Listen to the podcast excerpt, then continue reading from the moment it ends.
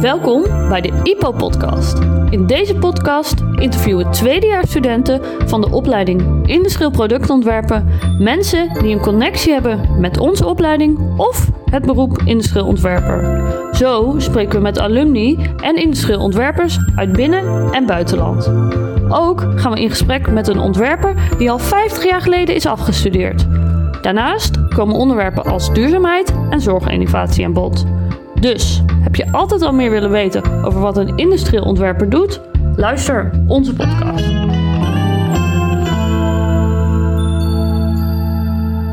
Hallo, ik ben Pien, een tweedejaars IPO-student en vandaag ben ik hier met Meerte, want we gaan het hebben over de studievereniging EPS. Uh, Meerte, kan je misschien jezelf even snel voorstellen? Ja, mijn naam is Meerte, ik ben ook tweedejaars student en ik zit ook uh, in het bestuur van EPS, studievereniging. En uh, wat is EPS precies? EPS is de studievereniging die, wel, die eigenlijk niet echt vast aan de studie zelf, maar wel de leuke activiteiten organiseert voor studenten die studeren bij IPO. En wat zijn dan dingen die je organiseert zonder corona? Want dit jaar is natuurlijk heel anders dan normaal. Maar wat zijn dan dingen die je normaal gesproken organiseert? Wat we eigenlijk hadden gewild, uh, als er dus niet was geweest, dat we in ieder geval maandelijks een, een borrel hebben voor eigenlijk de hele studie. En met name zijn dat vooral het eerste en het tweede jaar, omdat het derde en vierde jaar stage zitten, dus vaak zijn. Uh, dan hebben we eigenlijk ook de grote activiteiten zoals nou ja, Valentijnsdag, Sinterklaas, uh, Kerstgala. En natuurlijk ben een heel gaaf eindjaarsfeest. Wat ja, helaas ook dit jaar niet door kan gaan.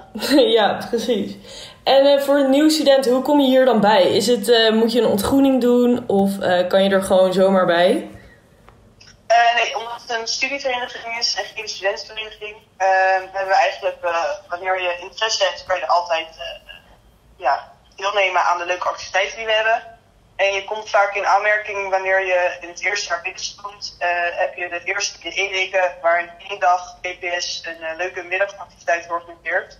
Zodat in ieder geval iedereen uh, kennis heeft gemaakt met, met EPS. Je kan dus in het bestuur komen in het tweede jaar. Wat was dan jouw motivatie om bij EPS te gaan? nou, vooral omdat het me erg leuk leek om activiteiten te organiseren. met name die een beetje gericht zijn. Omdat je merkt dat het toch al vaak uh, iets anders is dan gebruikelijk. Zoals met surprise maken mensen er net even iets meer van. En uh, nou ja, je hebt verschillende mensen binnen je bestuur, zoals nou, penningmeester, uh, grafisch ontwerper. En nou, die taakverdeling vind ik ook heel erg leuk, omdat je echt een, een vaste taak krijgt. En daar leer je heel erg veel van. En wat is dan jouw taak? nou ja, officieel papier ben ik voorzitter. maar eigenlijk regel ik vooral met z'n vieren alles. Uh, maar met name een beetje een, planning maken, op papier zetten waar we het allemaal over gaan hebben. Uh, nou, dan hebben we een grafisch vormgever, dat is dan Timo. En die maakt alle posts voor de Instagram of social media. maar ook posters. Nou, dan hebben we een penningmeester, dat is Perry. Die zorgt eigenlijk voor alle, al het geld en de bedragen. wanneer we dingen moeten inkopen of wanneer we iets met kaartjesverkoop hebben. En dan hebben we Michelle en zij doet vooral communicatie. En die regelt dan uh, met name uh, alle afspraken en uh, alle mailtjes. Oh ja, en jullie samenwerking is altijd wel goed daarbinnen, toch?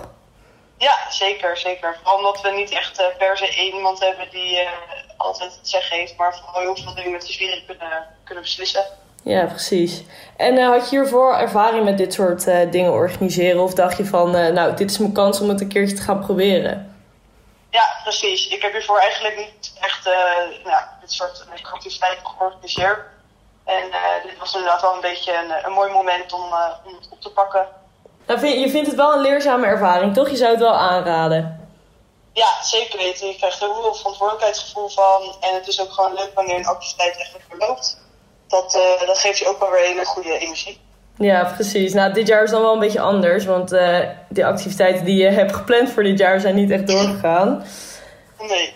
Maar um, hoe combineer je het met school? Want ik weet toevallig dat jij best wel hoog hockeyt, dus dat je daar ook veel tijd aan kwijt bent. Kan dit er dan nog tussen? Uh, ja, ik vind zelf van wel, omdat je niet per se uh, echt uren er aanwezig bent om bijvoorbeeld uh, iets te plannen in, in deadlines. Want wanneer je het goed combineert en je hebt elke dag dat je echt een half uur met elkaar gaat zitten, dan kom je al een heel eind.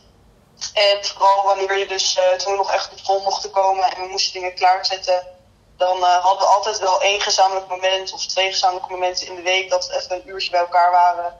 En omdat je met z'n vieren bent, kan je natuurlijk eigenlijk uh, vier keer zoveel doen dan wat je in je eentje doet. Ja, dat, dat is eigenlijk, binnen school heel makkelijk te combineren.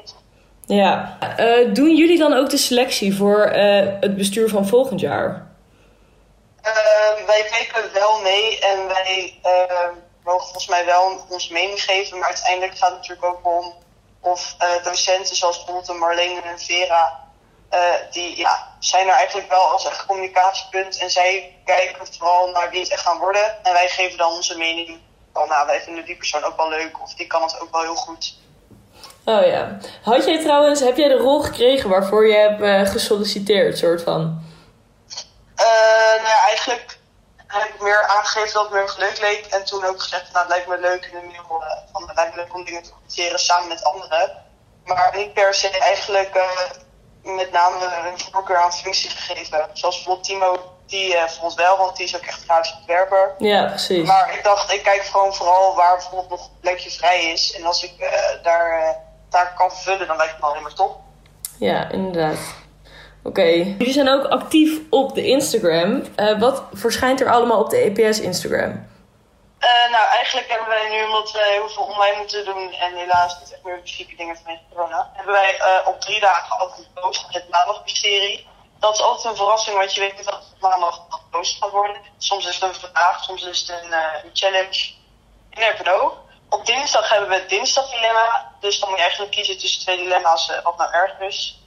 En op vrijdag hebben we Fact on Friday. En dan wordt elke keer een feitje, uh, drie pagina's over een, uh, een werkgevende op uh, Pieter de Hoog weergegeven. Ja, ik vind die Facts on Friday altijd wel echt leuk. Want heel vaak bij docenten hoor je niet echt wat ze hiervoor allemaal hebben gedaan. Maar de meesten hebben echt al een lange loopbaan gehad. Ze zijn niet gewoon gelijk ja. na IPO docent geworden. Ze hebben, sommigen hebben zelfs een ontwerpbureau gehad.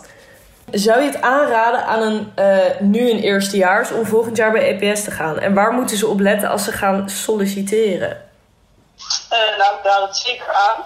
Uh, ja, waar moet je op letten? Dat je vooral lekker spontaan bent. Dat je vooral echt laat zien wat je in huis hebt. Ja, het klinkt ook heel erg cliché, maar het is zo. Als je met iemand bent die zegt, ik ben heel goed met cijfers. en ik zou graag penningmeester willen worden ja, dan ga je denk ik ook niet aan, omdat je ook al iemand moet zijn die een beetje echt een reclame maakt, een sfeertje maakt, gezelligheid. Ja, dus iedereen moet eigenlijk wel een beetje sociaal en zo zijn. Ja, ja, precies. Zijn jullie nu al uh, met project bezig voor als corona een beetje voorbij is? Wat staat er op de planning? Uh, mocht corona aan het einde van het jaar weg zijn, dan komt een groot vaccinatiefeest. Vaccinatiefeest? Ja. Leg het even uit. Met iedereen die uh, nou ja, of beschermd is of uh, nou, ter ere van het vaccin.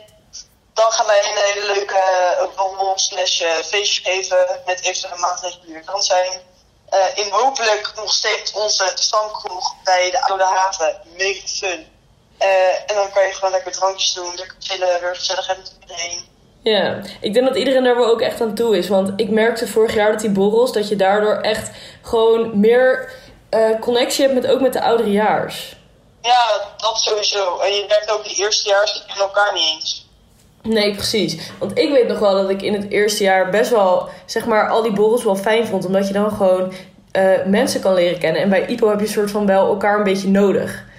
Ja, daarom. Vooral eerst en tweede onderling. Dat is wel echt uh, chill. Ja. Als je elkaar gewoon wat beter kent. Ja, precies. Zijn er nog uh, online dingen die eraan komen? Uh, nou, we wilden eigenlijk uh, uh, online rozen versturen met Valentijnsdag.